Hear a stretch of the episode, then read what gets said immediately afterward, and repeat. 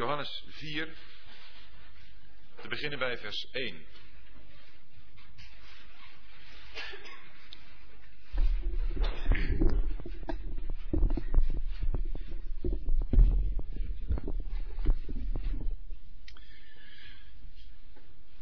Toen nu de Heer vernam dat de, de Fariseeën gehoord hadden dat Jezus meer discipelen maakte en doopte dan Johannes, hoewel Jezus zelf niet doopte, maar zijn discipelen, verliet hij Judea en ging weer naar Galilea.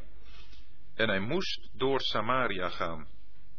Hij kwam dan bij een stad in Samaria, Sigar geheten, dicht bij het veld dat Jacob zijn zoon Jozef had gegeven. En daar was de bron van Jacob. Jezus dan was vermoeid van de reis en ging zo bij de bron zitten. Was ongeveer, het was ongeveer het zesde uur. Er kwam een vrouw uit Samaria water putten. Jezus zei tot haar: Geef mij te drinken. Want zijn discipelen waren weggegaan uit de stad om voedsel te kopen. De Samaritaanse vrouw dan zei tot hem: Hoe vraagt u, die een Jood bent, van mij te drinken, die een Samaritaanse vrouw ben? Want Joden hebben geen omgang met Samaritanen. Jezus antwoordde en zei tot haar: Als u de gave van God kende, en wie hij is die tot u zegt: Geef mij te drinken, dan zou u aan hem hebben gevraagd, en hij zou u levend water hebben gegeven. De vrouw zei tot hem: Heer, u hebt geen putemmer en de put is diep. Waar hebt u dan het levende water vandaan? Bent u soms groter dan onze vader Jacob, die ons de put heeft gegeven en die er zelf uit heeft gedronken, en zijn zonen en zijn vee?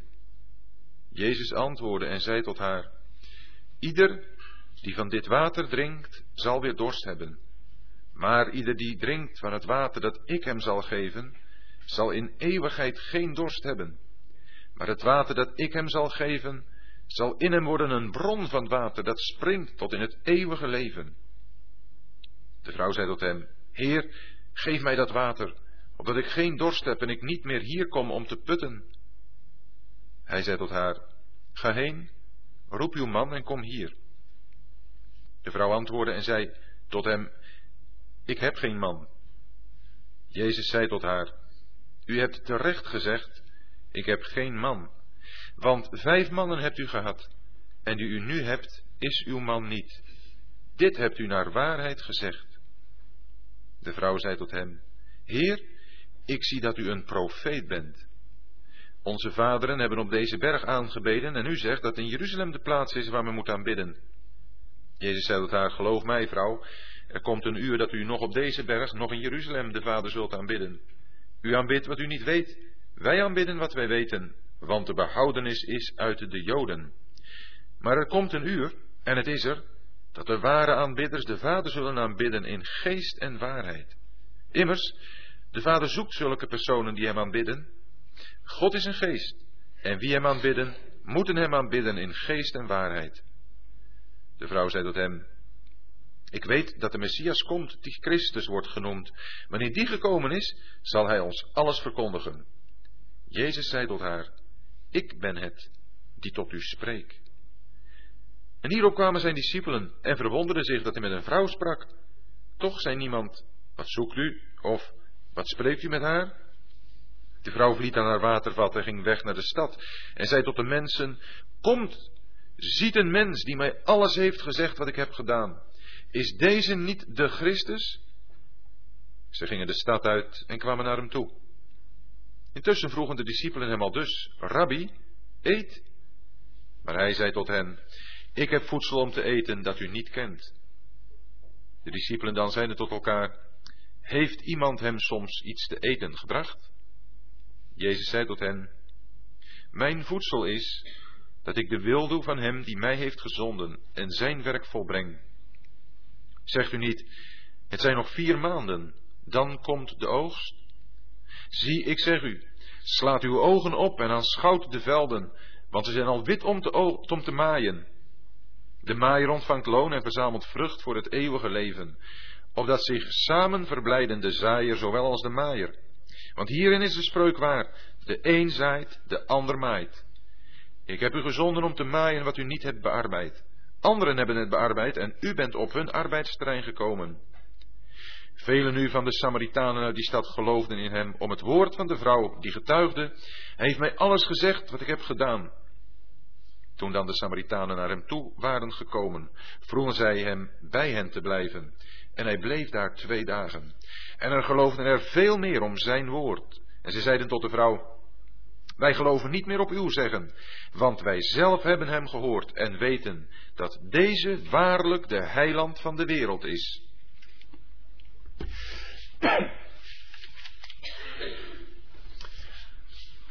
Hoop voor hopeloze gevallen. Onder deze titel is deze avond aangekondigd en willen we met elkaar nadenken over dit gedeelte uit het Johannesevangelie wat we zojuist gelezen hebben. De geschiedenis van de Samaritaanse vrouw. Misschien voor de meesten hier wel een bekende geschiedenis. Maar toch, ik denk telkens als je die geschiedenis leest, kom je opnieuw onder de indruk van het geweldige dat daar plaatsvindt. Waarin we, waarover we ook in het gebed al even hebben nagedacht. Dat de Zoon van God, de eeuwige, hier op aarde kwam, vermoeid was van een reis, zo bij de bron ging zitten en van een zondige, door en door zondige vrouw, vroeg om een slok water om zijn dorst te lessen. De schepper van hemel en aarde.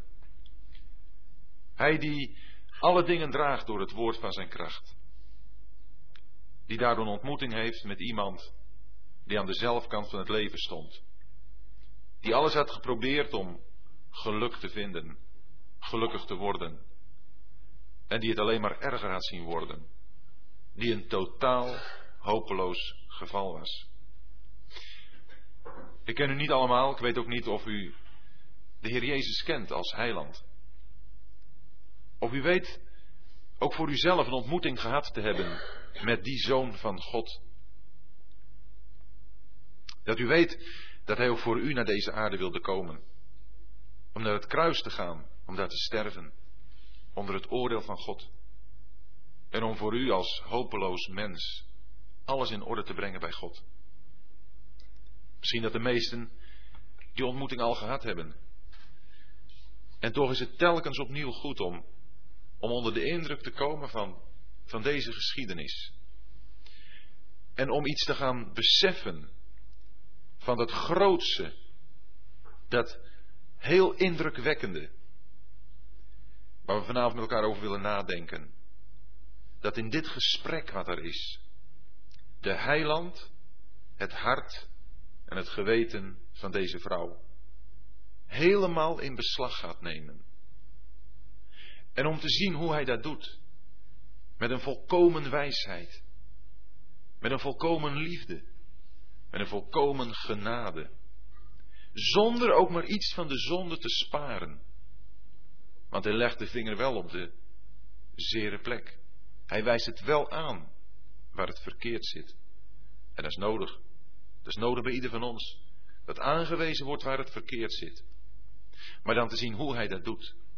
Niet om af te stoten, maar om te winnen. En om te winnen op een manier waar, waarin hij zichzelf helemaal kwijt kan. En daarom is het ook voor ons, als we de Heer Jezus mogen kennen, goed om telkens opnieuw dit wonder hier na te gaan. En ons te gaan herkennen. Steeds meer te herkennen in deze vrouw. In deze vrouw die volkomen alles verzondigd had. Wat ze als schepsel van God had toevertrouwd gekregen. Want zolang wij denken dat we, dat we nog iets beter zijn dan deze vrouw, kunnen wij deze geschiedenis niet halen wat de Heer ons, ook ons, hierdoor wil leren. Zullen we in deze geschiedenis niet onder de indruk komen van wat de Heer Jezus heeft willen doen? En zullen we ook niet onder de indruk komen en kunnen we niet luisteren naar zijn stem? Die stem die ons hart en ons geweten volledig in beslag wil nemen. Zullen we ook niet gaan begrijpen hoe dit gesprek hier met deze vrouw, met deze zondige vrouw, opgevoerd wordt tot een hoogte Een hoogte die in het vorige hoofdstuk, in het gesprek met Nicodemus, niet werd bereikt. Hoewel, ook daar zijn natuurlijk schitterende dingen door de Heer Jezus gezegd. Als we nog even in herinnering nemen wat in Johannes 3 het onderwerp van het gesprek is geweest tussen de Heer en Nicodemus, dan is dat dat daar een nieuwe geboorte zou moeten plaatsvinden. Om het koninkrijk van God te kunnen zien of te kunnen ingaan.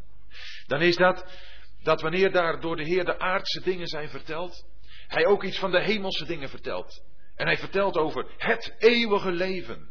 Dat eeuwige leven, dat is voor een ieder die in de zoon gelooft. Wie in de zoon gelooft, heeft eeuwig leven. En dat dat een, een bewijs is van de liefde van God. Zo lief heeft God de wereld gehad, dat hij zijn enige geboren zoon gegeven heeft. Opdat een ieder die in hem gelooft niet verloren gaat.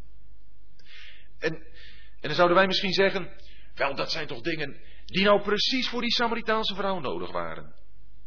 Eigenlijk zou de Heer met die Samaritaanse vrouw weer moeten spreken over opnieuw geboren worden.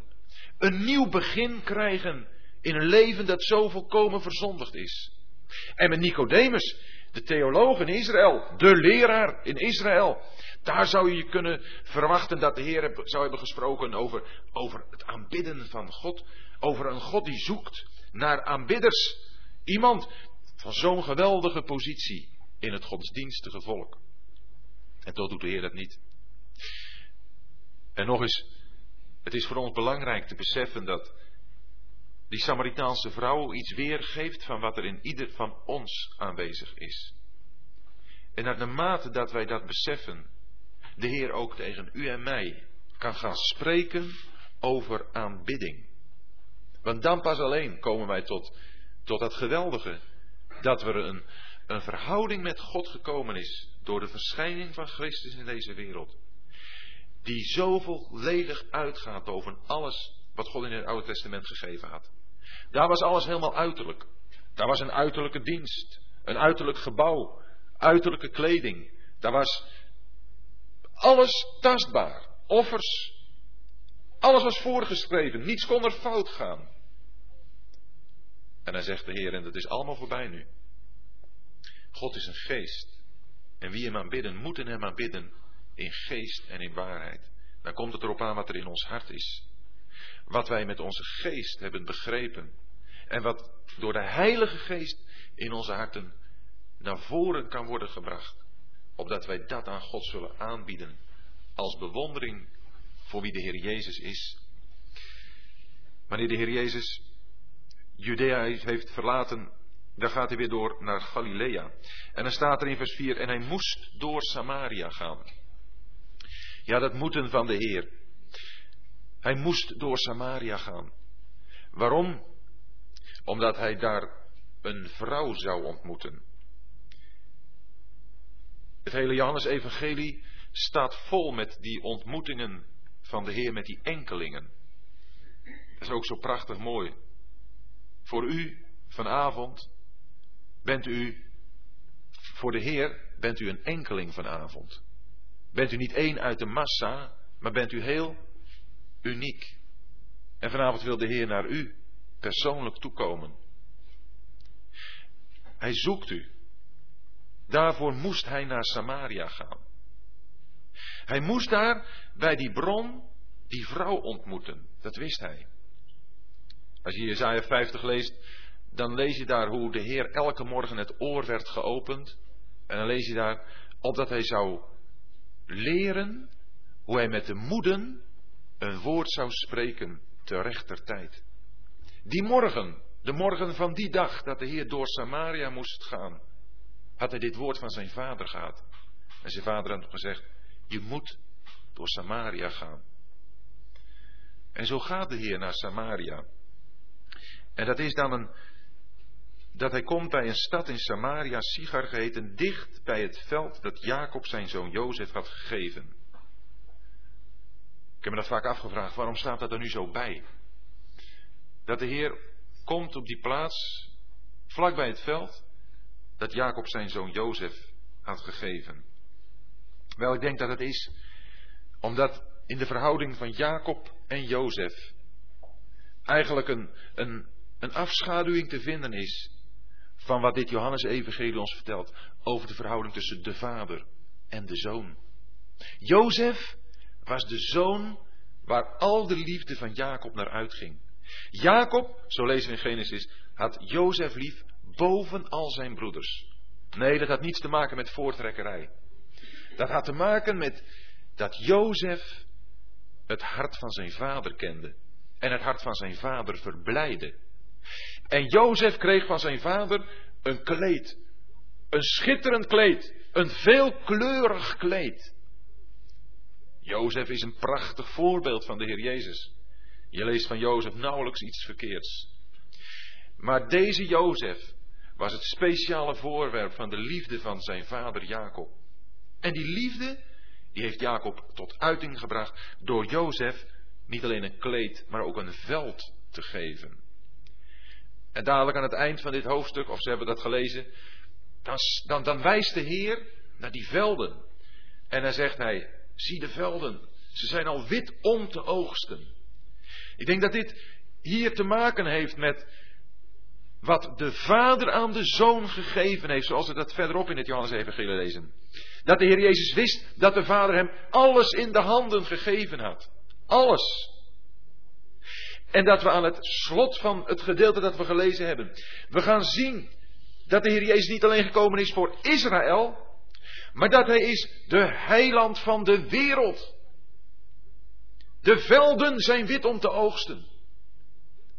En als een resultaat van dit gesprek met deze vrouw, als die vrouw naar de stad gegaan is, en de Heer zijn ogen maar opslaat naar die velden. Dan ziet hij ze komen daar. Uit Samaria. Door de velden naar hem toe. Opdat ze hem zouden leren kennen. Op grond van het getuigenis van deze vrouw. Die die ontmoeting met de Heer heeft gehad. En elke ontmoeting. Ook de ontmoeting die u en ik vanavond met de Heer mogen hebben. Die zou deze uitwerking moeten hebben. Dat u en ik straks naar huis gaan. En dat we vertellen gaan wie de Heer Jezus voor ons is. Hoe groot, hoe indrukwekkend. Ja, dan is er niet iets wat nog van onszelf overblijft. Dan zijn we echt helemaal verdwenen. Dan is, als het goed is, de wens van ook wat in het vorige hoofdstuk staat, van, de apost, van Johannes de Doper in onze harten, waar staat: Hij moet meer en ik moet minder worden. En dan zien we in het hele Johannes-evangelie hoe alles verdwijnt. Hoe alles steeds verder achteruit gaat. Om de Zoon van God in al zijn heerlijkheid steeds meer naar de voorgrond te plaatsen. Zodat we niets anders meer zien dan Hem en Hem alleen. Zo komt daar de Heer Jezus.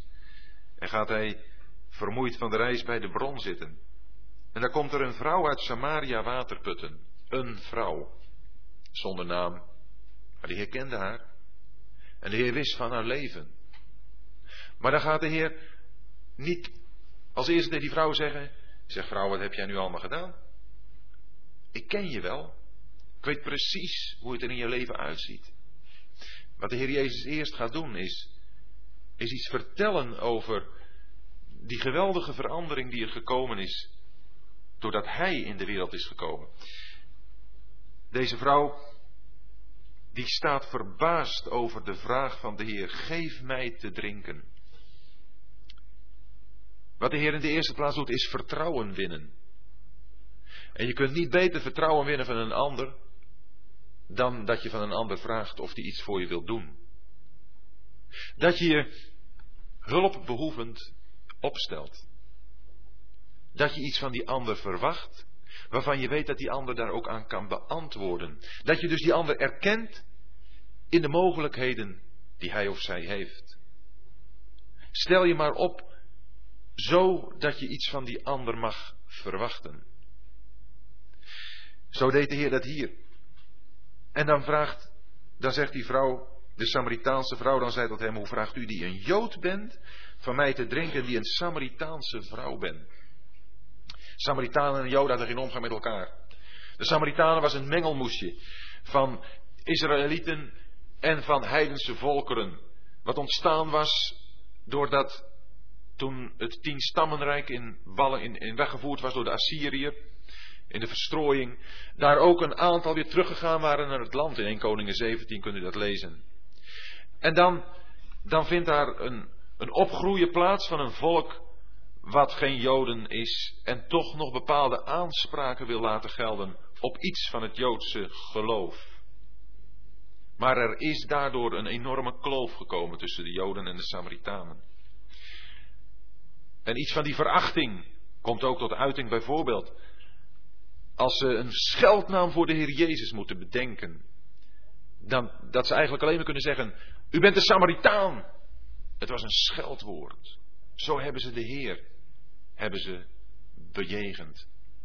En deze vrouw, een Samaritaanse vrouw, is verbaasd dat deze voor haar Jood, want dat herkende ze in hem, van hem vroeg om een slok water. En als deze verbazing zo door is uitgesproken, dan zegt de Heer, want dan gaat hij verder, dan gaat hij niet meer praten over, over dat stoffelijke water, maar dan gaat hij praten hierover. Als u de gave van God kende en wie hij is die tot u zegt, geef mij te drinken, dan zou u aan hem hebben gevraagd en hij zou u levend water hebben gegeven. Die eerste woorden van de Heer, die zijn zo veelzeggend. Als u de gave van God kende. Want God was namelijk tot dat ogenblik een eiser. God had zijn wet gegeven. En hij had gezegd, zo moet je doen. En zo moet je leven. En daarna moet je handelen. En nu komt hier iemand en die zegt, als u de gave van God kende. Van een eiser is God een gever geworden. Oh, God heeft van zijn heilige eisen niets laten varen. God is en blijft een eiser. Want alles wat God geëist heeft van de mens, dat was rechtvaardig. In Romeinen 7 staat dat de wet was heilig en rechtvaardig en goed. Niets van al die heilige eisen van God heeft ook maar aan gezag ingeboet. Maar er is duidelijk geworden dat de mens die eisen van God niet kon voldoen. Daaraan zich niet kon houden. En toen is God zich op een nieuwe manier gaan manifesteren. God heeft niet de hele zaak aan de kant geschoven. Maar God heeft de hopeloosheid van de mens als aanleiding genomen om zichzelf te tonen in dat wat hij in zichzelf is. Als iemand die geeft. Hij geeft. Als u de gave van God kende en wie hij is die tot u zegt, geef mij te drinken. Dan zou u aan hem hebben gevraagd. De Heer Jezus komt naar ons toe en zegt, geef mij. Maar als we iets van Hem gaan leren kennen, dan gaan wij van Hem vragen. Dan gaan wij van Hem vragen of Hij ons levend water wil geven. Water waar de levende, werkzame kracht van de Heilige Geest in aanwezig is. Want daar gaat het hier over, dat zullen we zien. Dan komt daar in ons een bron, een bron van water die opspringt tot in het eeuwige leven. Dan, dan komen er zulke dingen ons, ons leven en ons hart binnen. Dat alles wat we hier op aarde aan materiële behoeften hebben, op de achtergrond verdwijnt. Niet dat het onbelangrijk wordt, maar dan wordt het iets waarin God wel zal voorzien. Maar de werkelijke waarden van het leven, dat wat echt inhoud heeft, dat zullen we dan gaan ontdekken in dat wat de Heer Jezus ons te geven heeft. En dat is wat deze vrouw gaat aanvoelen. Wel, eerst begrijpt ze het nog niet zo goed. Net zoals Nicodemus in het vorige hoofdstuk. Als de Heer tegen Nicodemus zegt van, je moet opnieuw geboren worden. Dan zegt hij, ja, maar hoe kan het nou? Je kunt er niet voor de tweede keer in de schoot van de moeder ingaan. Nou, zo op zo'n soortgelijke manier reageert deze vrouw ook. De vrouw zei, Heer, u hebt geen putemmer en de put is diep. Waar hebt u dan het levende water vandaan? Bent u soms groter dan onze vader Jacob, die ons de put heeft gegeven en die er zelf uit heeft gedronken en zijn zonen en zijn vee? Ze begrijpt het nog niet. Maar de Heer die heeft haar wel aan het denken gezet. En dit gesprek, wat zich zo ontwikkelt, daarin zien we hoe ook bij die vrouw er een, een stapsgewijze vooruitgang is in het inzicht in de persoon van de Heer Jezus. Eerst zei ze, hoe begeert u die een Jood bent? Maar hier zegt ze al, bent u soms groter dan onze vader Jacob? In vers 20 zegt ze, Heer, ik zie dat u een profeet bent. Nadat de Heer haar heeft verteld wie zij is. En tenslotte komt ze in vers 30 tot de beleidenis. Is deze niet de Christus? Stap voor stap wordt deze vrouw door de Heer ingeleid, ingevoerd in een duidelijk zicht op wie Hij is. Wij kunnen ook niet allemaal tegelijk alle heerlijkheden, schoonheden van de Heer Jezus bevatten. Daarvoor hebben we Bijbelstudie nodig. Een avond als deze mag er een kleine bijdrage in zijn. Maar in uw eigen leven zal u dat van dag tot dag moeten doen. Mogen doen. Op uw knieën dat woord lezen. Daarin op zoek gaan naar heerlijkheden, schoonheden van de Heer Jezus. En u zult merken dat zijn kostbaarheid steeds heerlijker, steeds uitnemender wordt. En dan zegt de Heer tegen haar, ieder die van dit water drinkt, die zal weer dorst hebben. Maar ieder die drinkt van het water dat ik hem zal geven, zal in eeuwigheid geen dorst hebben. Maar het water dat ik hem zal geven zal worden een bron van water dat springt tot in het eeuwige leven. Dorst. Dat had die vrouw. En toch heeft de Heer gezien dat de dorst die zij had naar dit gewone water eigenlijk de weergave was van een dieper liggende dorst, een geestelijke dorst. En hoe is het met onze geestelijke dorst? Hebben wij echt dorst naar wat de Heer ons wil geven? Naar dat levende water? Naar dat water wat als Hij ons dat geeft, dat dat in ons wordt een bron, dan geeft Hij het ons, dat zijn de woorden die Hij spreekt. Hoe, hoe vangen we die op? Gaan die echt in ons hart naar binnen? Als dat zo is, dan zullen we merken dat het een bron wordt die ons in verbinding brengt met de bron ervan zelf. Die opspringt tot in het eeuwige leven. Dat wat er in ons is geplaatst, dat wat we in ons hebben ontvangen, daarvan gaat het verlangen uit, de begeerte naar het eeuwige leven. Dat is de Heer Jezus zelf, zoals hij nu in de hemel is. Deze vrouw, die heeft daar gaandeweg iets meer van begrepen. Op de laatste bladzijde van de Bijbel, daar wordt gezegd, als iemand dorst heeft, die komen tot mij en drinken.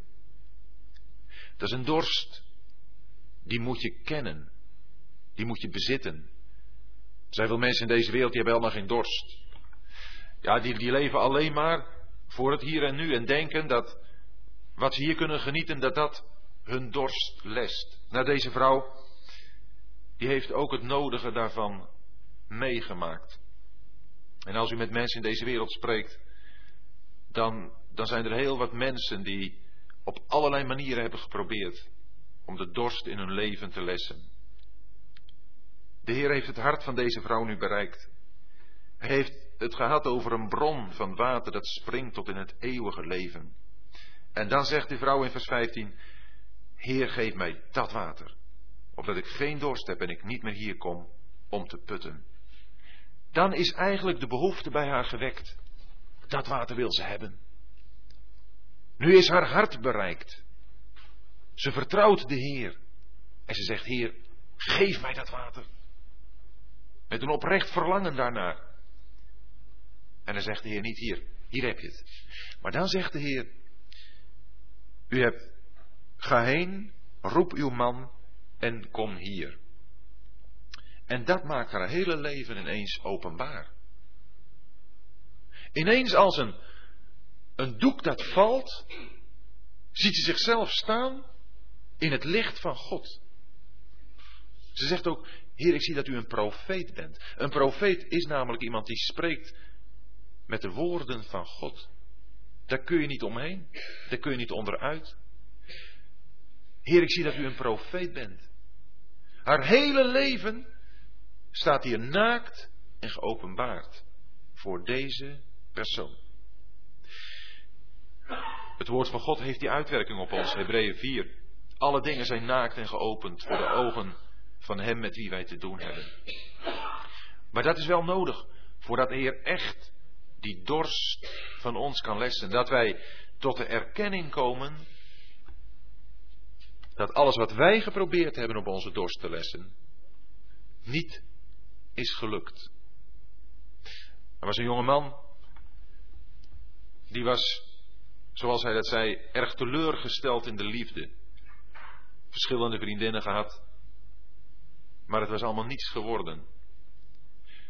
Hij was op een moment zo aan zijn eind dat hij, hij geloofde niet in God, wel van vroeger wat van gehoord, dat hij op zijn knieën was gevallen en zei tegen God, als u er bent, bewijs het dan. De volgende avond kwamen we daar in een café in, in Middelburg en toen troffen we hem. En toen heeft hij gezegd dat hij toch wel eens door wilde praten. Toen we daar wat getuigenis hadden gegeven en wat uitnodigingen hadden uitgedeeld voor een evangelisatieavond. Hij wilde wel eens doorpraten. Hij was wat aangeschoten, maar toch, hij had het door. En hij herhaalde nog even de tijd, de afspraak die we maakten.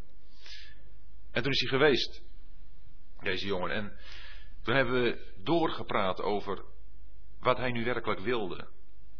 Hij was stuk gelopen in deze wereld. Echt stuk. En we hebben door kunnen praten hierover dat alleen God, alleen de Heer Jezus echte vrede kunnen geven. Alleen daar is het te vinden. Alleen daar is een werkelijk lessen van je dorst bij Hem. Het enige waar hij nog mee zat, dat was dat hij dan zijn vrienden moest prijsgeven. Dat hij dan niet meer naar de kroeg kon. Wel, tegen zo'n jongen kun je dan zeggen, als er nog iets is wat je nog niet hebt uitgeprobeerd, waarin je nog niet teleurgesteld bent in het leven, doe dat dan eerst. Wel, je zult er spijt van krijgen. Maar als je die ervaring ook nog moet opdoen, doe dat dan. Als er iemand is die denkt dat hij in deze wereld toch nog iets van drinken kan vinden, wat zijn dorst lest, voordat hij naar de Heer Jezus gaat, doe dat dan eerst. Want anders hou je het niet vol. Maar wij die de Heer Jezus kennen, wij lopen ook steeds gevaar om toch nog weer onze dorst te lessen in deze wereld. Toch nog steeds weer de dingen van deze wereld, waar de wereld zijn plezier en zijn vertier in vindt, ook te nemen als de dingen waar wij ons plezier en ons vertier in vinden. Dat we ons daarin niet onderscheiden van deze wereld. De bron van water die de Heer ons geeft, is een bron die in ons ontspringt tot in het eeuwige leven. Tegen het volk Israël moet de Heer zeggen, het is goed dat we die paar versen even lezen uit Jeremia, dat zij twee dingen hebben gedaan die verkeerd zijn. In Jeremia 2, daar lezen we in vers 13. Mijn volk heeft twee boze daden bedreven.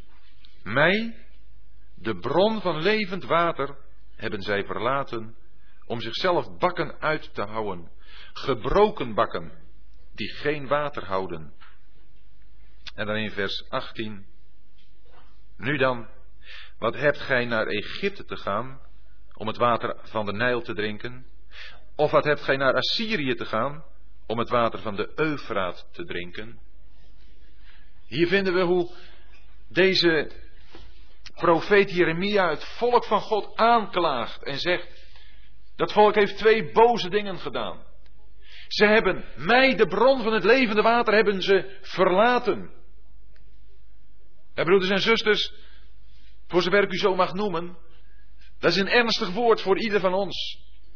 Dat wij de bron van levend water kunnen verlaten.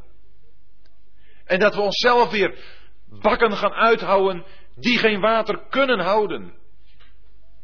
En dat we weer naar de rivier van Egypte, naar de Nijl gaan. Egypte is een beeld van de wereld. Dat we toch weer proberen om in deze wereld onze dorst te lessen. En daar heeft ieder zijn eigen gevaren wel in. Waardoor dat kan. Maar het is een boos ding. En daarom is het zo belangrijk dat wij ook keer op keer zo'n geschiedenis als Johannes 4 voor ons krijgen. Een jongeman die in echtscheiding lag. En ook erkende dat het zijn schuld was. Zei een keer toen op een Bijbelbespreking, waar hij na een hele lange tijd ook weer verscheen. Dat dit bij hem gebeurd was. Dat hij de bron van levend water had verlaten. Als we de bron van het levende water verlaten, dan denken we dat we misschien wel wat dorst kunnen lessen. Maar het houdt geen water. Het zijn de dingen van Egypte. Het zijn de wateren van de Nijl. En het is vergif. En het maakt je stuk. Het maakt je kapot. Niets in deze wereld waar de Satan de overste van is, kan ons ook maar in enig opzicht onze dorst lessen. Alleen de Heer Jezus. Hij kan dat. En als het zo is, zoals bij deze jongeman ook gebeurde, dat er dan misschien wel onherstelbare dingen gebeurd zijn, dan kunnen we toch met berouw, met één keer terugkomen. En hij heeft zijn waarschuwend woord toen ook tegen ons gericht. Doe dat niet. Verlaat niet de bron van het levende water. Het is iets wat in ons opspringt tot in het eeuwige leven. En de vrouw antwoordde: Ik heb geen man. Nee, zij moest dat wel, toen de Heer dat zo rechtstreeks vroeg, heel openlijk erkennen. Net als die andere vrouw die twaalf jaar een bloedvloeiing had geleden, die van achteren kwam, bij de Heer zijn zoom aanraakte, en dan verlezen we dan, terstond hield de, haar bloedvloeiing op, en de Heer die keert zich om en kijkt om te zien wie, heeft wie hem heeft aangeraakt. En dan komt die vrouw, en dan dan staat daar, ik meen Marcus, en zij zei hem de volle waarheid. En dan zegt de Heer, ga heen in vrede. Pas als we de volle waarheid gezegd hebben, als we niets voor de Heer hebben achtergehouden, Hij die ons echt helemaal kent, met alles wat we zijn, wat we denken, wat we gedaan hebben, wat we op dit moment doen, Hij kent ons helemaal. Alleen als we zo helemaal voor Hem staan, dan kan hij met ons verder. Dan zegt de Heer terecht, hebt gij gezegd, ik heb geen man. Want vijf mannen hebt u gehad en die u nu hebt, is uw man niet. Dit hebt u naar waarheid gezegd. Deze vrouw had vijf mannen gehad. De eerste, daar heeft ze de poosje mee uitgehouden, maar daar was op uitgekeken. Toen heeft ze een tweede genomen. Ze heeft een derde genomen. Ze heeft een vierde genomen. Ze heeft een vijfde genomen. En die ze nu had, die zesde, was haar man niet. Daar leefden ze mee samen. En wat zou de zevende worden? Ik denk dat ze hier een ontmoeting heeft met, met die zevende man.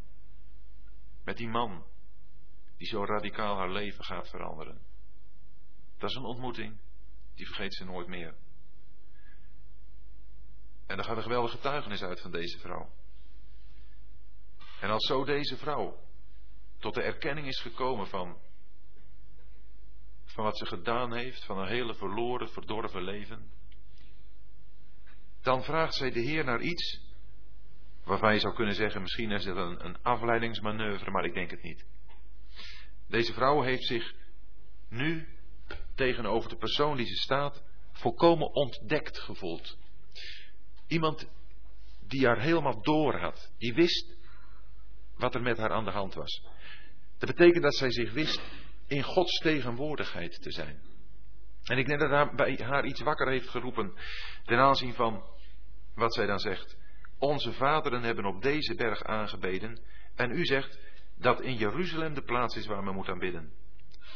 Jezus zei tot haar, geloof mij vrouw, Er komt een uur dat u nog op deze berg, nog in Jeruzalem, de Vader zult aanbidden. Als die vrouw zo aan zichzelf ontdekt is. En daarmee aan het eind gekomen is van haarzelf. Dan wordt er in haar iets wakker van aanbidding. En ik haal nog eens een keer wat ik aan het begin zei. En toen ik hierover nadacht, drong zich dat toch sterk aan mij op. Dat dat ook een van de dingen is die uit deze geschiedenis naar voren komen. Dat wanneer wij een overtuigende indruk hebben van wie wij zelf van nature zijn. En dat we niets meer van onszelf ophouden. Dat we het weten, dat is een mens die ons alles gezegd heeft wat we gedaan hebben. We hebben niets meer achter te houden, niets meer te verbergen. Dat dat, dat een gevoel van grote opluchting geeft. Maar dat het je tegelijk in een hele andere atmosfeer brengt. Het brengt je bij God. En het laat je ook gevoelen dat die God er is om door jou, door u, door mij aangebeden te worden. Die God, die wil door ons gediend worden. Die God, die we eerst de rug hadden toegekeerd. Maar die naar ons toe is gekomen in Christus. Die ons heeft opgezocht. En die ons uit onze ellende heeft bevrijd. Die God, die wil door ons aangebeden worden. Wel voor die vrouw en ook voor de Joden van toen was het een strijdvraag waar het moest gebeuren. Moest dat nou daar op de berg Gerizim of moest het nou in Jeruzalem? De Heer die gaat daar wat de plaats betreft niet op in. Maar hij zegt, geloof mij vrouw, er komt een uur dat u nog op deze berg, nog in Jeruzalem, de Vader zult aanbidden. U aanbidt wat u niet weet, wij aanbidden wat we weten. Ja, de Heer bewaart wel het onderscheid tussen dat wat de Samaritanen zich eigen hadden gemaakt en dat wat God aan de Joden had toevertrouwd. U aanbidt wat u niet weet, wij aanbidden wat we weten, want de behoudenis is uit de Joden en nergens anders uit. Behoudenis is alleen bij Christus te vinden. En niet bij de een of andere mystieke figuur uit het oosten. Niet aan een of ander verlicht persoon die zich ineens aandient als een verlosser van deze wereld. De behoudenis is uit de Joden en is alleen te vinden in Christus.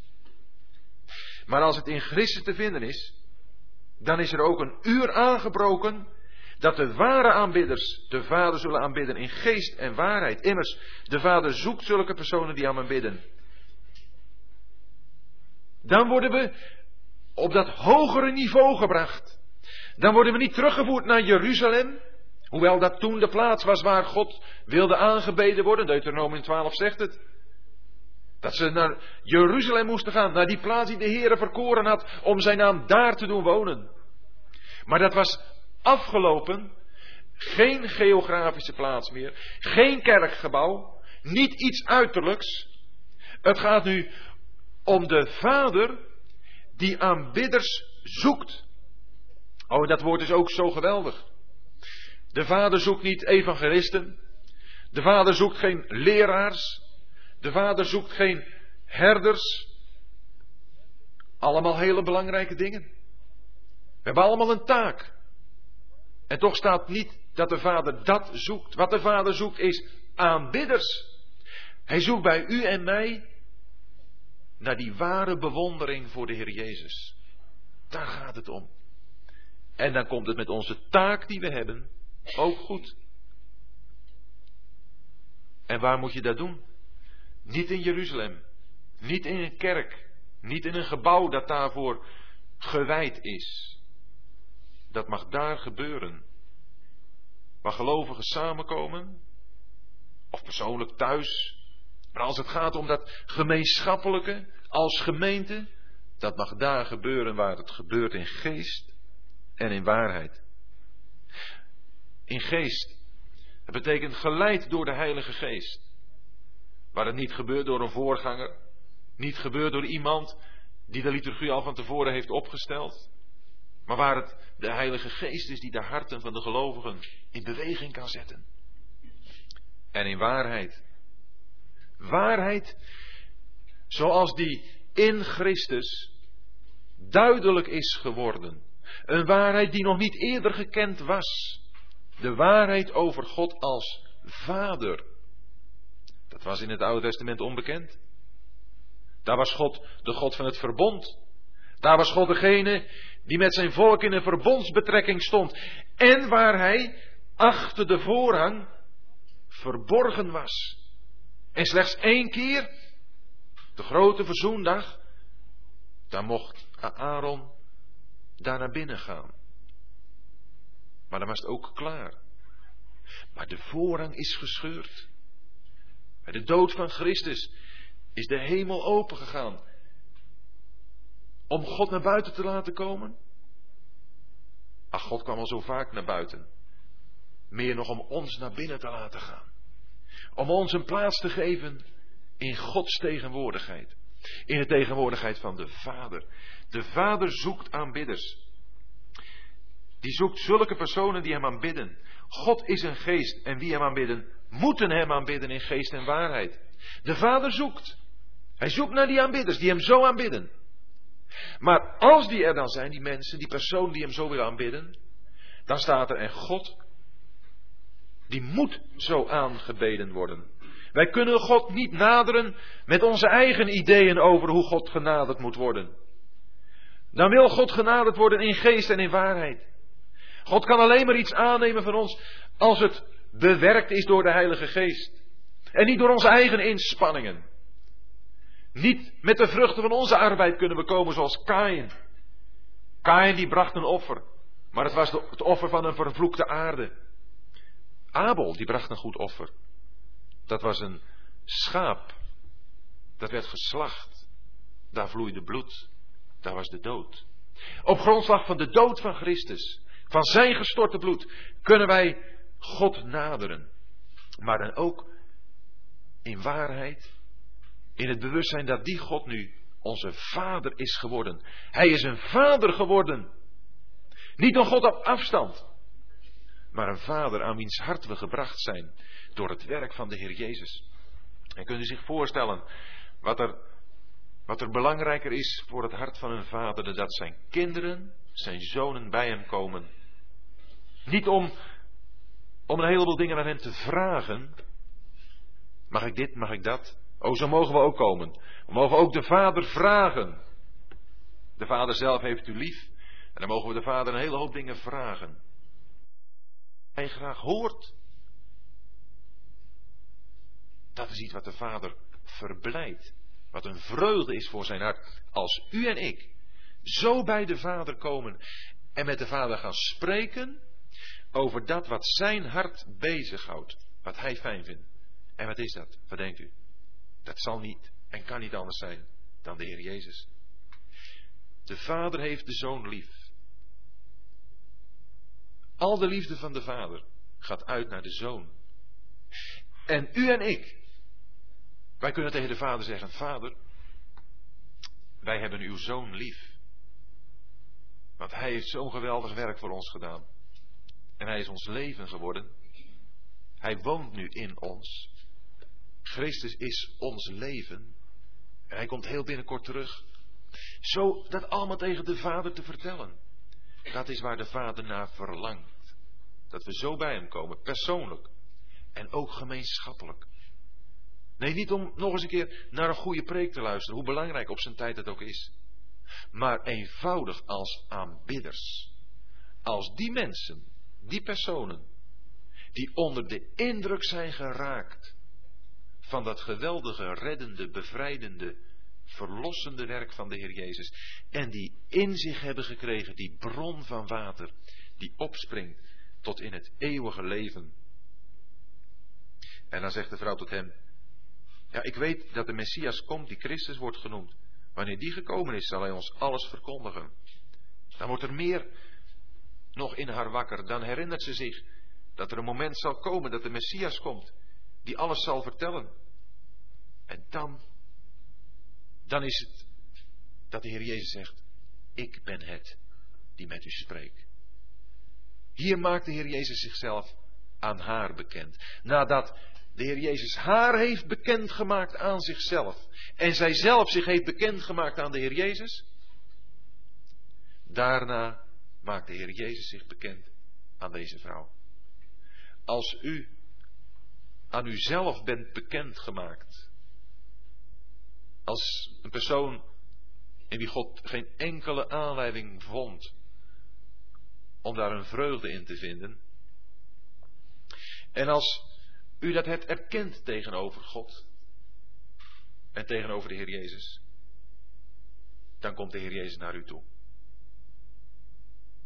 En dan zegt hij, ik ben het. Ik ben het die met u spreekt. De Heer spreekt met ons. Hij wil zichzelf aan ons kwijt. Alles wat hij zegt, dat is iets van hemzelf. Dat gaat daarvan uit. En dat gaat naar ons toe. En dat zijn geen loze woorden. Dat zijn niet de kletspraatjes die je in deze wereld hoort, op je werk of bij de buren. Maar dat zijn woorden van waarheid. Dat zijn woorden van genade. Dat zijn woorden van liefde. Dat zijn woorden van eeuwige waarde. Die alleen maar opbouwend werken. En het zou fijn zijn als wij met elkaar ook zo zouden kunnen gaan spreken. Ook in de onderlinge contacten die we met elkaar hebben. Gisteravond dachten we na in een lezing over het boek Malachi. En in het boek Malachi in het eind, in hoofdstuk 3, vers 16, ook zo mooi vers 3, vers 16, daar lezen we dat wanneer die tijden in Israël heel donker zijn geworden, dat daar een ieder met zijn naaste, met elkaar zou gaan spreken. De Heer merkt er toch op. Hij hoort ernaar en er is een gedenkboek voor zijn aangezicht geschreven. En dat, dat overblijfsel daar in Malachi, dat handjevol, dat te midden van een, een afgeweken volk toch blijft uitzien naar de komst van de Messias, die spreken erover met elkaar en die vinden we terug in Lucas 1 en in Lucas 2. Daar vinden we een Zacharia en Elisabeth. Daar vinden we een Simeon en een Anna. Daar vinden we de herders. Daar vinden we Jozef en Maria. Maar vooral als je dan leest hoe daar een Anna, een 84 jaar oude vrouw is. Die dag en nacht in de tempel was. En die over hem sprak. Tot allen in Jeruzalem die de verlossing verwachten. Ja, dan, dan gaat daar iets van uit. En zo met elkaar om te gaan, zo met elkaar te spreken. Zo met elkaar die, die gemeenschap te hebben. Dat is iets wat opbouwt. Daar mogen we naar verlangen, daar mogen we elkaar ook toe aanmoedigen. Mogen we elkaar toe aanzetten. En daar komen de discipelen terug en verwonderen zich dat hij met een vrouw sprak. En toch is er niemand die zegt, wat zoekt u of wat spreekt u met haar? Dan gaan de vrouw haar watervat verlaten en naar de stad. En dan gaat ze de mensen zeggen, komt, ziet een mens die mij alles heeft gezegd wat ik heb gedaan. Is deze niet de Christus? Zij gingen de stad uit en kwamen naar hem toe. De discipelen, we hebben dat aan het begin van het hoofdstuk gelezen, waren de stad ingegaan om voedsel te kopen. De Heer had ze allemaal weggestuurd. De Heer had toch wel één of twee discipelen kunnen wegsturen om dat voedsel te halen. Nee, de Heer had ze allemaal weggestuurd. Want hij wilde alleen met die vrouw spreken. Die persoonlijke ontmoeting is zo van wezenlijk belang. En wanneer dan de discipelen terugkomen, dan zien ze daar dat wonderlijke tafereel. Dat daar hun meester zit te spreken met een vrouw. En nog wel een Samaritaanse ook. En toch, hoe verbaasd ze ook zijn, ze reageren niet. De vragen die bij hen opkomen, die staan er wel. Wat zoekt u? Maar ze zeggen het niet. Of, wat spreekt u met haar? Maar ook dat zeggen ze niet. De wegen van de Heer kunnen bij ons soms best wel eens vragen oproepen. Ook hoe de Heer in het leven van gelovigen die met andere mensen mogen spreken dan over het evangelie. Zouden misschien best wel eens onze vragen bij kunnen hebben. En toch is het ook best wel eens verstandig om die vragen niet te stellen. Omdat de Heer wel weet wat Hij doet. Ook als we bij dienstknechten zien dat ze dingen doen waar wij onze vraagtekens bij zetten. Maar als we weten dat het gebeurt vanuit liefde tot de Heer en niet in strijd met het woord, dan kunnen we die vragen beter voor ons houden. Dan kunnen we ons misschien verbazen dat het zo of zo gaat. Maar het werk van de Heer is een werk van vrijmacht. Hij weet wat hij doet. En dat werk zoals hij dat doet, kan best wel eens tegen onze ideeën over hoe dat werk zou moeten gebeuren ingaan. Maar hij weet het. En hij gaat door. En die vrouw, die verlaat haar watervat. Het watervat, dat stond er als een symbool van haar arbeid. Haar moeizaam bezig zijn om haar dorst te lessen. Wel, dat ze geen behoefte meer aan. Ze ging naar de stad en ze kon gaan vertellen dat ze iemand had ontmoet die haar levend water had gegeven. Die haar dorst volledig had gelest. Zo ging ze naar de stad. En dan komen ze uit de stad. Maar voordat ze dan komen, dan gaan eerst de discipelen nog met de Heer spreken. Ach, de discipelen, het zijn mensen van de praktijk. Ja, er moet gegeten worden tenslotte. En ze zeggen, Rabbi, eet. Ach, en ze hebben er zo weinig notie van. Dat de Heer een spijs had om te eten die ze niet kenden. Hebt u dat ook wel eens gehad? Dat u een, een zo fijn gesprek met iemand had over de Heer. Dat even alle behoeften aan eten, aan drinken, vergeten waren. Kun je wel eens hebben thuis als iemand op visite hebt. Dan ben ik wat dat betreft natuurlijk een beetje slordiger gast, dus ik zal het vlug vergeten om koffie of, of thee in te schenken. Maar dat je zo met iemand in gesprek bent over de dingen van de Heer, dat je vergeet iets aan te bieden. En dat het niet gemist wordt. Ja, dat je laat zeggen, oh ja, het had toch wel even nog wat, wat vriendelijk geweest, uh, nog wat aan te bieden. Maar die dingen kunnen ook zo'n belangrijke plaats in ons leven krijgen. Dat we zeggen, nee, nee, nou moeten we eerst even eten. Nu moeten we echt eerst even de rust nemen om. En de telefoon maar af, de bel af. We willen niet gestoord worden. Of zijn we wel bereikbaar? Dat de dingen die, die op zich ook door de Heer ons gegeven worden, maar toch van een, een andere orde zijn en even kunnen wachten wanneer het gaat om belangrijke dingen. Om de dingen van het geestelijk leven, om de dingen van de ziel, van het behoud van een mens. Dat we daar iets van onze rust, dat we daar misschien iets van onze maaltijd voor kunnen opgeven. Om daar dan mee te spreken, om daar achteraan te gaan. Nee, het moet allemaal met beleid, met wijsheid gebeuren, ik weet het. Maar onze instelling, hoe is die? Is het mogelijk dat de Heer ons dat op onze weg kan brengen? Zoals de Heer hier. We lezen in Marcus Evangelie twee keer. Dat de menigte kwamen. En dat de Heer geen tijd had om te eten. Toen had hij geen tijd. En dat de Heer dan op een andere plaats zegt. Ze hadden geen tijd om te eten, maar dat hij zegt: Kom hier naar mij toe en rust een weinig. Geen tijd om te eten. Vanwege het vele werk. Maar hier geen behoefte om te eten. Vanwege de inhoud van het werk.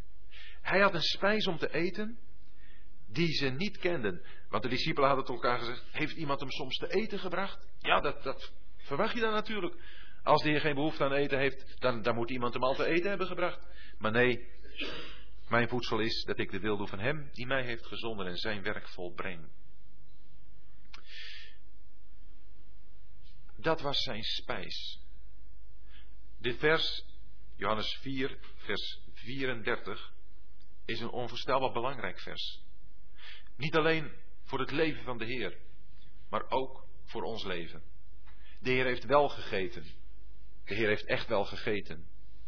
Maar waar het om gaat is dat onze echte spijs mag zijn het doen van de wil van onze Vader. Dat dat ons voedsel is.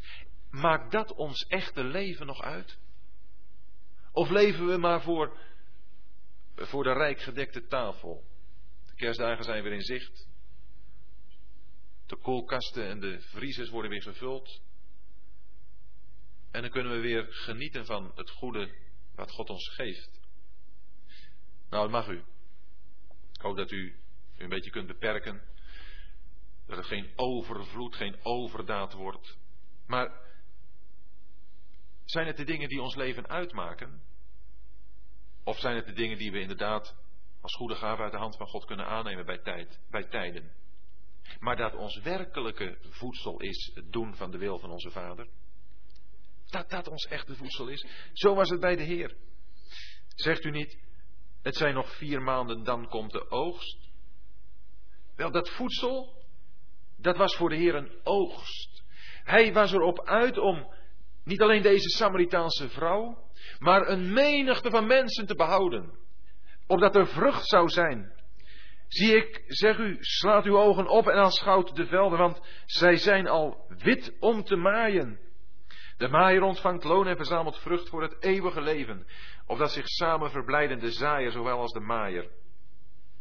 Wel, de maaier en de zaaier, ze zijn samen nodig. Eerst wordt er gezaaid. Er zijn mensen die het evangelie prediken, die het zaad van het woord uitstrooien.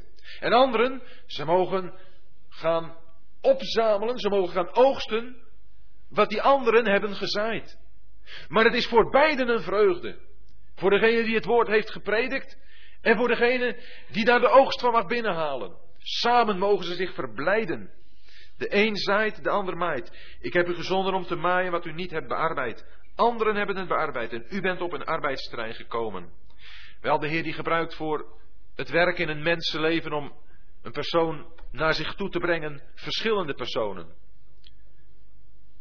De persoon die u bij de Heer mag brengen, is iemand waar anderen al iets over de Heer Jezus tegen hebben gezegd vaak. Het is mooi om zo'n laatste stukje te mogen zijn. Om iemand zo bij de Heer te mogen brengen. Maar het is ook mooi om voor het eerst met iemand te spreken over zijn zielenheil. Dat is ook fijn. Wel, dan gaat hij misschien nog niet door de knieën. Zoals die jonge man waar ik u van vertelde. Maar het zal best een keer gebeuren. Hij is er nu aan herinnerd. Maar als hij nog eens met een ander in gesprek komt, dan kan het allemaal weer bovenkomen. En kan die ander misschien maaien wat door mij gezaaid is geworden. Maar het is een vreugde voor zowel de zaaier als de maaier. Velen nu van de Samaritanen uit die stad geloofden in hem om het woord van de vrouw die getuigde. Hij heeft mij alles gezegd wat ik heb gedaan. Toen dan de Samaritanen naar hem toe waren gekomen, vroegen zij hem bij hen te blijven. En hij bleef daar twee dagen. Nou, je kunt je dat toch voorstellen. Als je zo al die dingen van de Heer Jezus hebt gehoord, over hem, van deze vrouw. Deze vrouw die, die als een, een echte evangeliste daar die stad is ingegaan. En ze heeft er geen grote redenvoeringen gehouden. Weet u wat ze gezegd heeft? Er is een mens die mij alles gezegd heeft wat ik gedaan heb. Ja, dat was toch niet iets waar ze zichzelf op heeft kunnen verheffen. Want alles wat ze gedaan had, ik denk dat dat goed bekend was. Wat voor een vrouw dat was. Maar daar was iemand die het haar gezegd had. Misschien was er over deze vrouw veel achter de hand gepraat. Jongen, moet eens kijken. Wat een vrouw. Zo slecht. Daar is de wereld vol van. Praten over elkaar. Maar echt eens tegen iemand zeggen. En dan uit liefde en met bewogenheid wat er niet goed is. Dat heeft deze vrouw op de knieën gebracht. En haar tot een getuige gemaakt. Zij had een ontmoeting gehad met de Heer Jezus. En dat brengt je hele stad in beweging. En dan komen ze bij de Heer en dan vragen ze de Heer twee dagen te blijven. Nou, en de Heer die blijft daar twee dagen. Twee dagen blijft hij daar. En dan geloven er veel meer om zijn woord. En zij zeiden tot de vrouw, wij geloven niet meer op uw zeggen, want wij zelf hebben hem gehoord en weten dat deze waarlijk de heiland van de wereld is. Wel, daar moet het dan tenslotte op uitdraaien. Dat ook deze Samaritaanse vrouw uit het beeld verdwijnt en dat daar alleen de Heer Jezus overblijft. Alleen om Hem gaat het. Alles wat we met elkaar kunnen bespreken, aan elkaar kunnen doorgeven, kan ons geestelijk dienen, kan ons geestelijk verrijken. Maar het zal tenslotte toch hierom moeten gaan. Dat onze harten niemand anders zien dan Jezus alleen. Het gaat om Hem. Alles moet verdwijnen. Net als de berg der verheerlijking, waar de Petrus en Johannes en Jacobus waren. Petrus is helemaal onder de indruk van het tafereel, als er ook nog Mozes en Elia bij waren gekomen. Heer, laten we drie tenten maken. Voor u één, voor Mozes één, voor Elia één. Prachtig toch? Maar dan verdwijnen Mozes en Elia. En dan zien ze niemand anders dan Jezus alleen. De grootste godsmannen, ze moeten verdwijnen. Het is net als bij die kamerling in Handelingen 8, die daardoor Filippus gedoopt wordt. En dan wanneer hij het evangelie uit de mond van Filippus heeft gehoord. U weet wel die prachtige geschiedenis.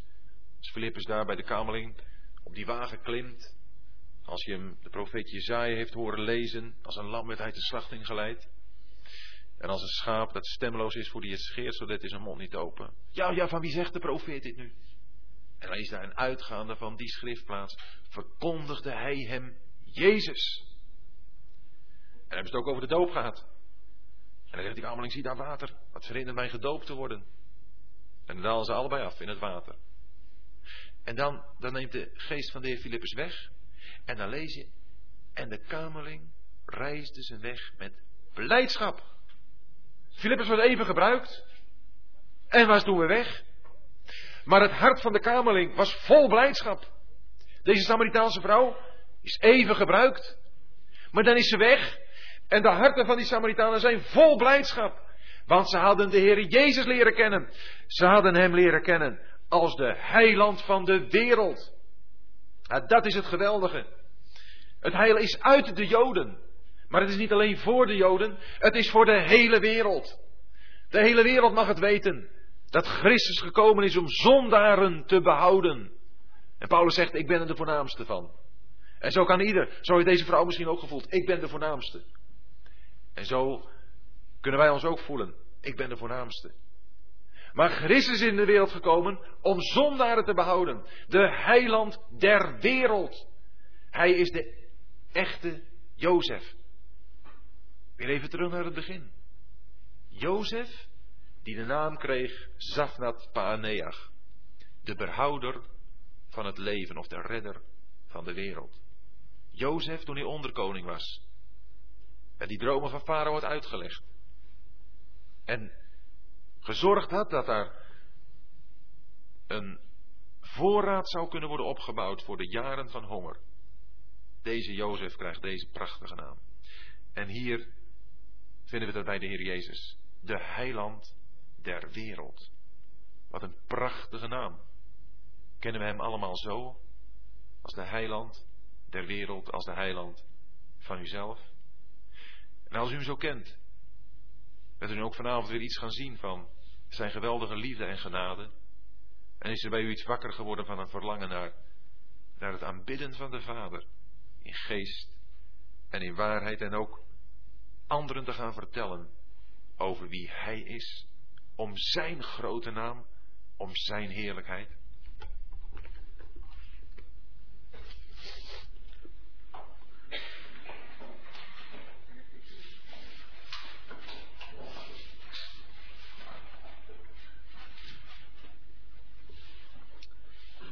U bent mijn Heer, door uw genade roem ik uw eigendom te zijn. U sloeg mij in ontferming gade. Wat zou mijn harte meer verblijden? Geen woorden kunnen ooit verkonden wat ik in u, Heer, heb gevonden. Zullen we zingen lied 36, derde en het vierde couplet. 36 vers 3 en 4.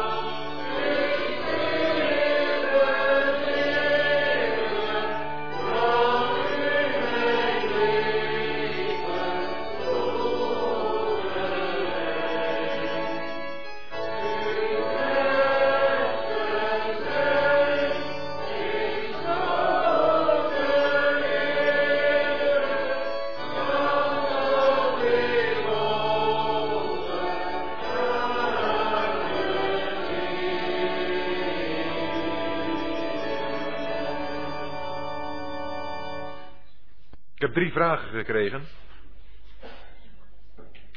De eerste vraag is, de Heer zegt hier heel duidelijk dat hij de Messias is. Dat doet hij haast nergens in een ander verhaal of ontmoeting. Is hier nog iets van te zeggen? Inderdaad, er zijn uh, zelfs duidelijk plaatsen waar de Heer zegt dat ze het niet moeten zeggen. Waar dus de Heer het verbiedt te zeggen, zegt het aan niemand dat ik de Messias ben. En hier doet de Heer het wel. Waarom? Omdat hij hier geloof ziet. Hij weet dat hij hier een vrouw tegenover zich heeft aan wie hij zichzelf in dit opzicht kwijt kan. En dat doet de Heer altijd. Hij wil zichzelf helemaal aan ons kwijt. Hij wil ons laten zien dat hij een helper is, bijvoorbeeld. Maar dat kan hij ons alleen laten zien als we ook bereid zijn dat te ervaren. Met andere woorden, dat we ons bewust zijn dat we een helper nodig hebben en die hulp ook bij hem zoeken. Dan laat hij zich als een helper kennen. Hij is een helper. Maar hij kan het pas aan ons kwijt als hij ziet, het zijn mensen die mijn hulp nodig hebben en die dit ook van mij verwachten. En zo is het denk ik hier ook met hem als de Messias. Als er ongeloof is, zegt de Heer, praat er niet over. Dan gaat hij niet vertellen wie hij is. Je zou iets kunnen vergelijken met wat de Heer noemt het parels voor de zwijnen gooien. Je gaat niet over kostbare dingen spreken met mensen die er totaal geen gevoel voor hebben. Die eigenlijk alleen maar dat zullen naar beneden halen. Dat alleen maar belachelijk of bespottelijk zullen maken. Maar hier in deze vrouw ziet de Heer iemand die er open voor staat. En als wij openstaan voor welke zijde van de persoon van de Heer Jezus ook, dan zal Hij zichzelf aan ons bekendmaken. Dat is juist het prachtige. Hij wil zich echt helemaal aan ons kwijt.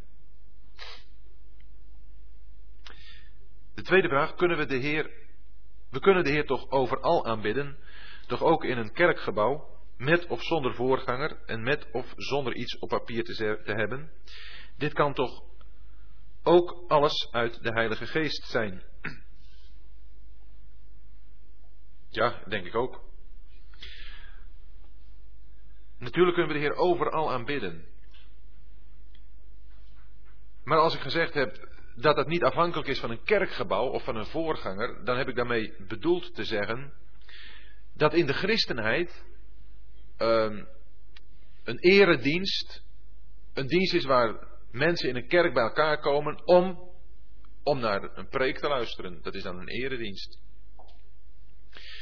Maar dat wat de Heer hier zegt over aanbidden van de Vader in geest en in waarheid, een zo bezig zijn betekent dat, dat je even alles vergeet, niets om je heen hebt wat je kan afleiden, niet iets waarin je van tevoren, uh, zeker misschien wat oneerbiedig, geprogrammeerd bent door, en staat er dan ook, uh, als je aan de kerkmuren de psalmen en gezangen al hebt staan die we met elkaar moeten gaan zingen, dan is dat in zekere zin voorgeprogrammeerd. Natuurlijk, ieder die daar zit met een hart oprecht op God gericht, die zal God aanbidden. En ieder die op een plaats is waar dat allemaal niet aanwezig is, waar geen uiterlijke dingen zijn, maar met een koud en leeg hart, daar heeft Heer geen behagen in. In die zin gaat het niet om de uiterlijke plaats, maar om de gesteldheid van het hart. Maar waar het om gaat, en dat is wat de Heer ook zegt, vrouw, er komt een uur, en het is nu, dat niet op deze berg en ook niet in Jeruzalem de plaats is waar we moeten aanbidden. Dat men in de christenheid, zoals ook in Israël, officieel aangewezen plaatsen heeft, gewijde gebouwen heeft, een kerkorgel heeft, een liturgie, alles uiterlijk uh, ingesteld is, waarbij dat in de christenheid helemaal herinnert aan wat in het Jodendom door God was ingesteld. En vanuit het Jodendom overgeheveld is geworden in de christenheid. En dat is iets wat het Nieuwe Testament niet kent. Het Nieuwe Testament kent de christen tegenover de Vader. En die Vader aanbidden. De christenheid, dat is de gemeente van de levende God. Die niet bestaat uit mensen die een gelijke geloofsbeleidenis hebben, want daar verval je dan ook in. Als je in kerkgebouwen en in, in uh, kerkgenootschappen gaat denken. Het Nieuwe Testament kent dat niet. Het Nieuwe Testament kent de gemeente van de levende God. Waar ieder toe behoort die met oprecht brouw over zijn zonden tot God is gegaan. En in het geloof de Heer Jezus heeft aangenomen. Daar is nu de hemel voor geopend. En die heeft rechtstreeks persoonlijk de toegang tot God. En de gemeente, de gemeente, die mag ook samenkomen. 1 Korinthe 12 tot met 14 spreken daar uitvoerig over. Die gemeente mag samenkomen om God te prijzen. Om God te loven. Maar dan gebeurt dat niet doordat van tevoren is vastgesteld wat er gezongen gaat worden, welke gedeelte er gelezen gaat worden. En ik zeg niet dat degenen die daar aanwezig zijn, dat niet in hun harten iets kan bewerken wat tot God in aanbidding opstijgt, daar heb ik het niet over. Het gaat erom wat het Nieuwe Testament ons over de eredienst van de gemeente zegt. Een eredienst die erop gericht is om God eer te brengen, om Hem te prijzen en groot te maken en niet om iets van God te ontvangen. Natuurlijk, de gemeente komt ook samen om iets van God te ontvangen.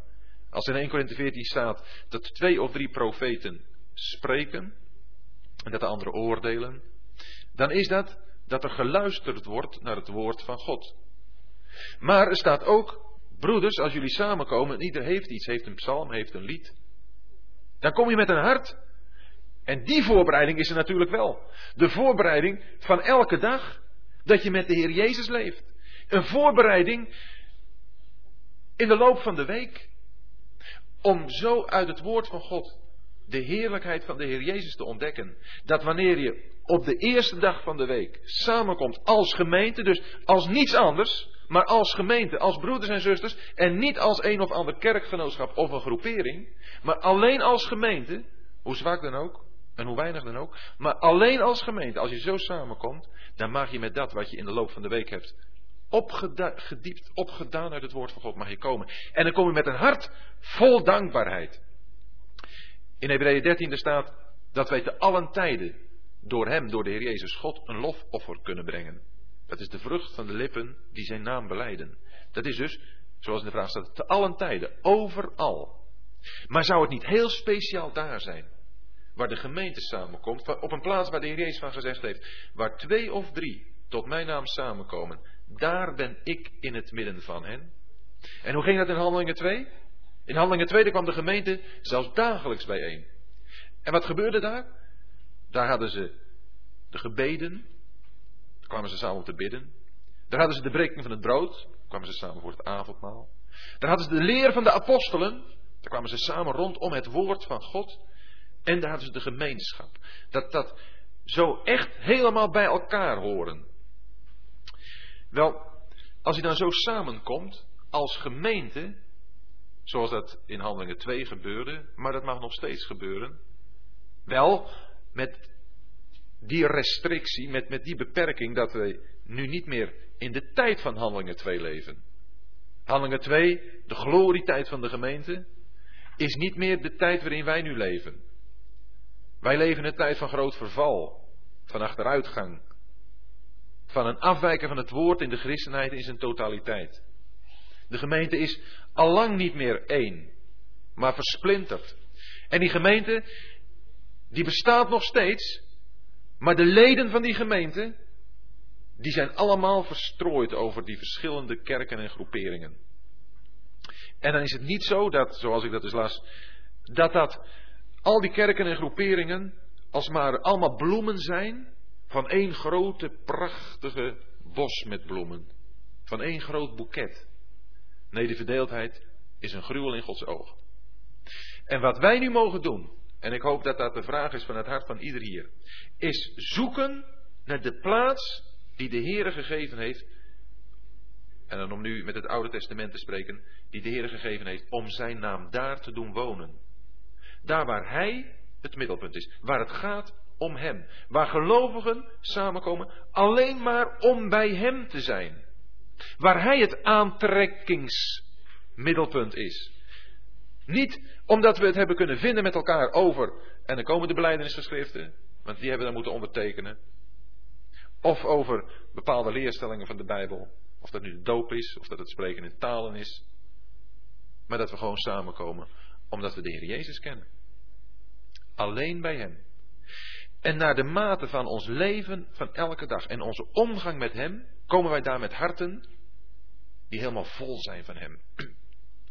En dat kan, als dat bij ons niet een, een dagelijkse realiteit is, die omgang met Hem, ook alleen maar verzanden in een sleur.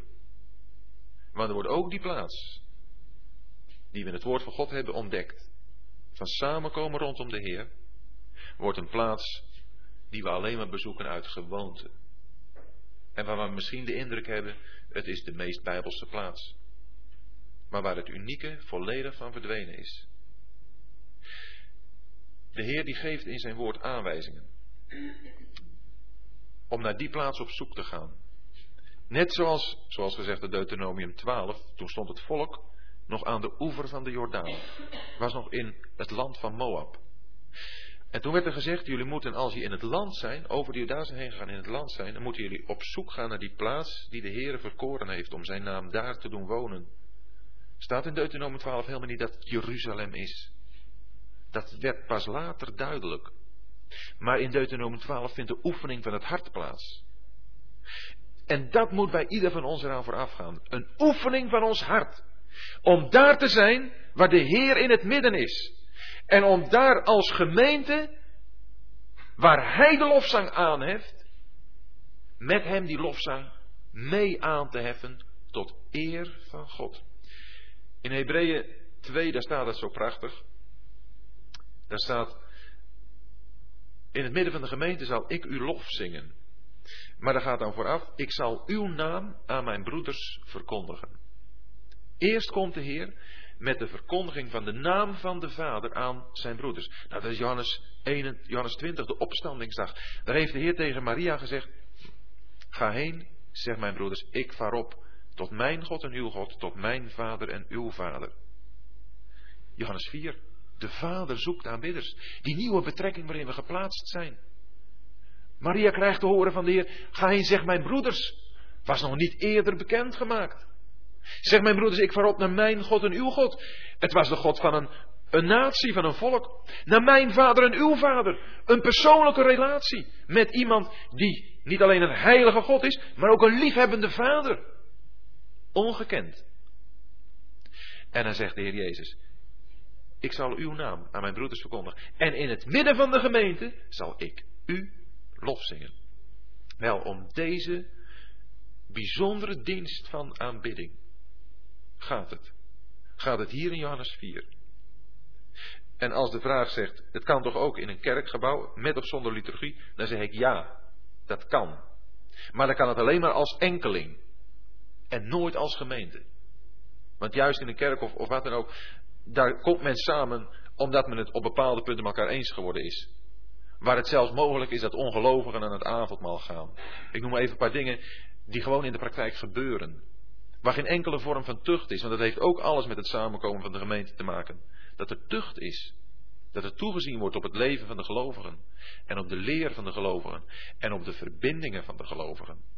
Ik zeg het in een paar woorden, maar er zit zo ontzettend veel aan vast. Maar waar ik probeer op te duiden, dat is het bijzondere voorrecht. Om los van elke menselijke gedachte. Elke menselijke uitvinding hoe goed bedoeld ook, samen te komen om daar de Vader te aanbidden. Als de Heer zegt tegen de vrouw, als de vrouw vraagt van waar moeten we aanbidden, hier of in Jeruzalem, dan is dat ook iets wat de Heer in het meervoud beantwoordt. Dan zegt hij, u dat is hier meervoud. Vrouwen, komt een uur dat u nog op deze berg, nog in Jeruzalem zult aanbidden. U aanbidt wat u niet weet. Wij aanbidden wat wij weten. Dat is niet alleen maar een persoonlijke aangelegenheid, maar dat is iets wat je gemeenschappelijk vooral mag doen. Als straks in, Johannes, in uh, Openbaringen 5 wij rondom het lam zullen staan, dan vallen daar de 24 oudsten neer. En zij aanbaden. Zij aanbaden. Juist het gemeenschappelijke. Dat geeft iets een, extra, een, een, ja, een nog, nog diepere inhoud en betekenis aan, aan wat de Vader zoekt. Aan bidders. En natuurlijk, dat kan alleen maar gebeuren als u persoonlijk en ik persoonlijk dat doe. Maar het geweldige van het gemeenschappelijke is dat de gemeente daarin dan gestalte krijgt. Die gemeente waar de Heer Jezus voor naar deze aarde is gekomen. En dan, dan denk ik dat wanneer we iets begrijpen van Johannes 4 en van het aanbidden van de Vader in geest en in waarheid, we dat, als het goed is, vanuit een vraag van ons hart zullen doen: Heer, waar kunnen we dat samen doen? Ik mag het thuis doen, maar waar, kunnen we dat, waar kan ik dat samen doen met anderen die dat ook zo willen? Niet alleen persoonlijk in zeg maar, de geloofsgemeenschap waar ik me bevind, maar waar kan ik dat samen doen met anderen die dat ook zo willen? En 2 Timotheus 2 maakt duidelijk dat de gemeente, dat het huis van God, een groot huis geworden is, waarin allerlei vaten zijn van tot eer en oneer, en waarvan het noodzakelijk is dat we ons daarvan reinigen. En dat we dan gaan jagen naar gerechtigheid, liefde, vrede, met allen die de Heer aanroepen uit een rein hart. Daar gaan we dan naar op zoek. Maar eerst zullen we dit moeten zien.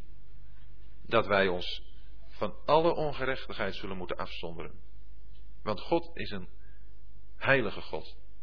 God is een God die in geen enkel opzicht met het kwaad kan worden verbonden. Niet in ons persoonlijk leven, maar zeker ook niet in ons gemeenschappelijk leven. Dit is heel in het kort een, ja, iets waar u zelf maar eens verder over moet nadenken. Dit zijn geen vragen die je uitputtend kunt behandelen. Daar komt dit bij dat, wat voor mij erg duidelijk kan zijn, voor u iets is waar u uh, mee aan het worstelen bent, waar u naar op zoek in bent. Wat ik u alleen maar kan doen is wat, wat handreiking proberen te geven. Probeer hier niemand mee uh, af te stoten. Niemand te zeggen van zo of zo moet je het doen. Probeer alleen maar te zeggen wat naar mijn stellige overtuiging het woord van God zegt. En dat u dat maar naleest. Als het bij Paulus al gebeurde dat de Bereërs alles wat Paulus zei onderzochten of deze dingen zo waren, nou dan is het van mijn woorden zeker waar. Dat u het moet onderzoeken in de Bijbel. Want dat alleen is het wat antwoord geeft ook op uw vragen hierover. Ik heb u nog een vraag. Gaat u ervan uit dat de zonde van Kain bestond uit een onbloedig offer? Was dit niet de ongehoorzaamheid dat de eerstelingen van de oogst of schapen moesten wezen? Ja, ik ga ervan uit dat het de zonde van Kain was door een onbloedig offer te brengen, door iets te brengen wat van een vervloekte aarde kwam. Natuurlijk, bij, bij Abel staat erbij dat het de eerstelingen van de schapen waren en van hun vet. Uh, het wil helemaal niet zeggen dat Kain niet de eerstelingen van zijn oogst heeft gebracht. Staat er niet dat het niet zo was. Kain was zelfs de eerste die een offer bracht. Kain bracht een offer voordat Abel een offer bracht. Maar zou het te ver gezocht zijn als we veronderstellen dat Kain en Abel van hun ouders, van Adam en Eva, gehoord hebben hoe zij bekleed waren geworden met die rokken van vellen? Hoe God, om hen te kunnen handhaven voor zijn, voor zijn aangezicht in zijn tegenwoordigheid, zelf dieren heeft geslacht, daar dus bloed heeft gevloeid, zodat zij voor God konden worden bedekt met een bedekking waarvan hij wist, hier is de dood tussen beiden gekomen. In Hebreeën 11, daar lezen we dat Kain, eh, dat Abel door het geloof een beter slachtoffer heeft gebracht dan Kain. In Hebreeën 11, vers 4. Waardoor hij getuigenis verkregen heeft dat hij rechtvaardig was, daar God over zijn gaven getuigenis gaf. En daardoor spreekt hij nog nadat hij gestorven is. Abel heeft een beter slachtoffer gebracht. Kain heeft ook een offer gebracht, maar Abel een beter slachtoffer. En ik denk dat het te maken heeft met de aard van het offer, dat het een dier was, een dier wat geslacht is geworden.